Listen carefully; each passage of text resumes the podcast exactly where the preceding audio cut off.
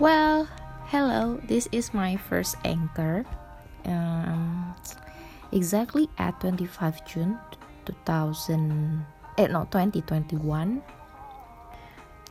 Um, jadi hari ini habis menulis new post di Tumblr lagi-lagi tentang um, how we survive or how we face our problem in our life.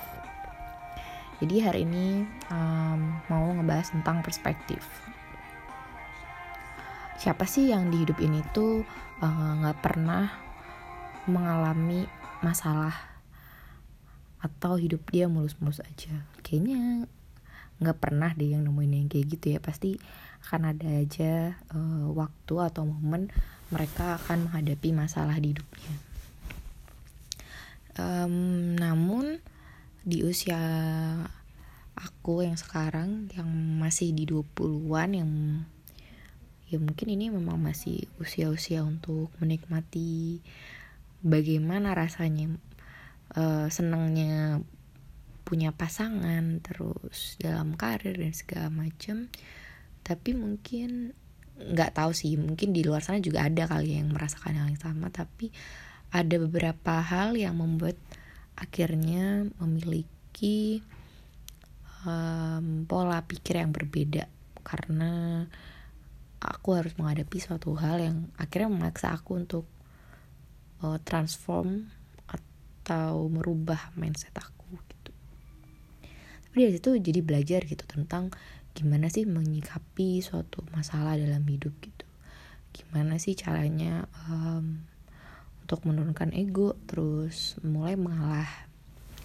Jadi hari ini aku mengangkat um, cerita tentang perspektif. Seringkali kita tuh saat punya masalah itu pasti langsung ngerasa down dan saat down itu kita kayak merasa sendiri terus kita bingung gimana ya caranya untuk mengatasi masalah ini terus kenapa sih harus terjadi sama aku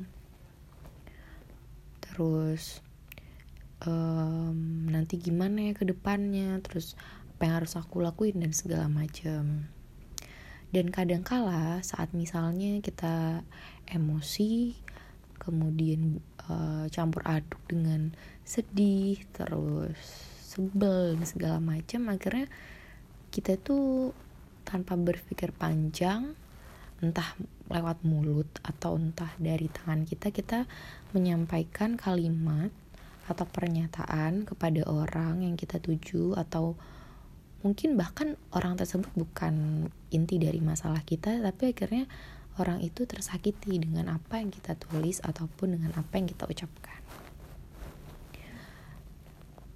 Dari beberapa kejadian sebelumnya uh, aku belajar tentang bagaimana sih um, first actionnya atau first aid kitnya saat kita misalnya mulai merasakan hal tersebut gitu.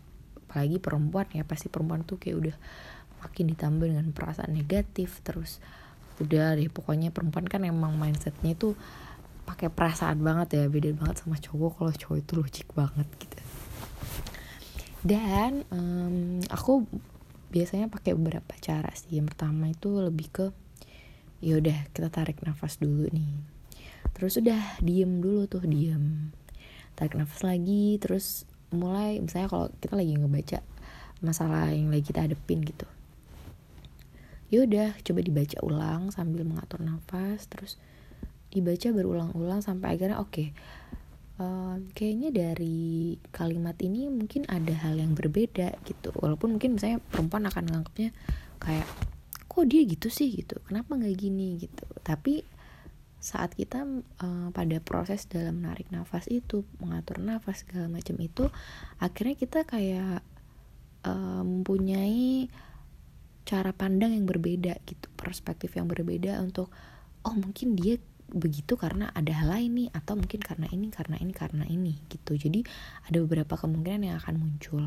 Atau bisa juga cara meluapkannya itu dengan saat kita misalnya udah mulai tuh ya kepancing atau udah udah mulai suntuk stuck segala macam merasa menderita sampai akhirnya ya udah coba deh kalian tuliskan entah itu di notes atau mau tulis tangan atau di handphone atau coba deh nulis di draft email terus ungkapin deh semuanya. Boleh mau kata-kata kasar mau kata-kata buruk mau kalian rasa sedih atau segala macem kecewa boleh ditulisin di situ. Dan terus udah udah selesai kalian uh, baca ulang sambil atur nafas.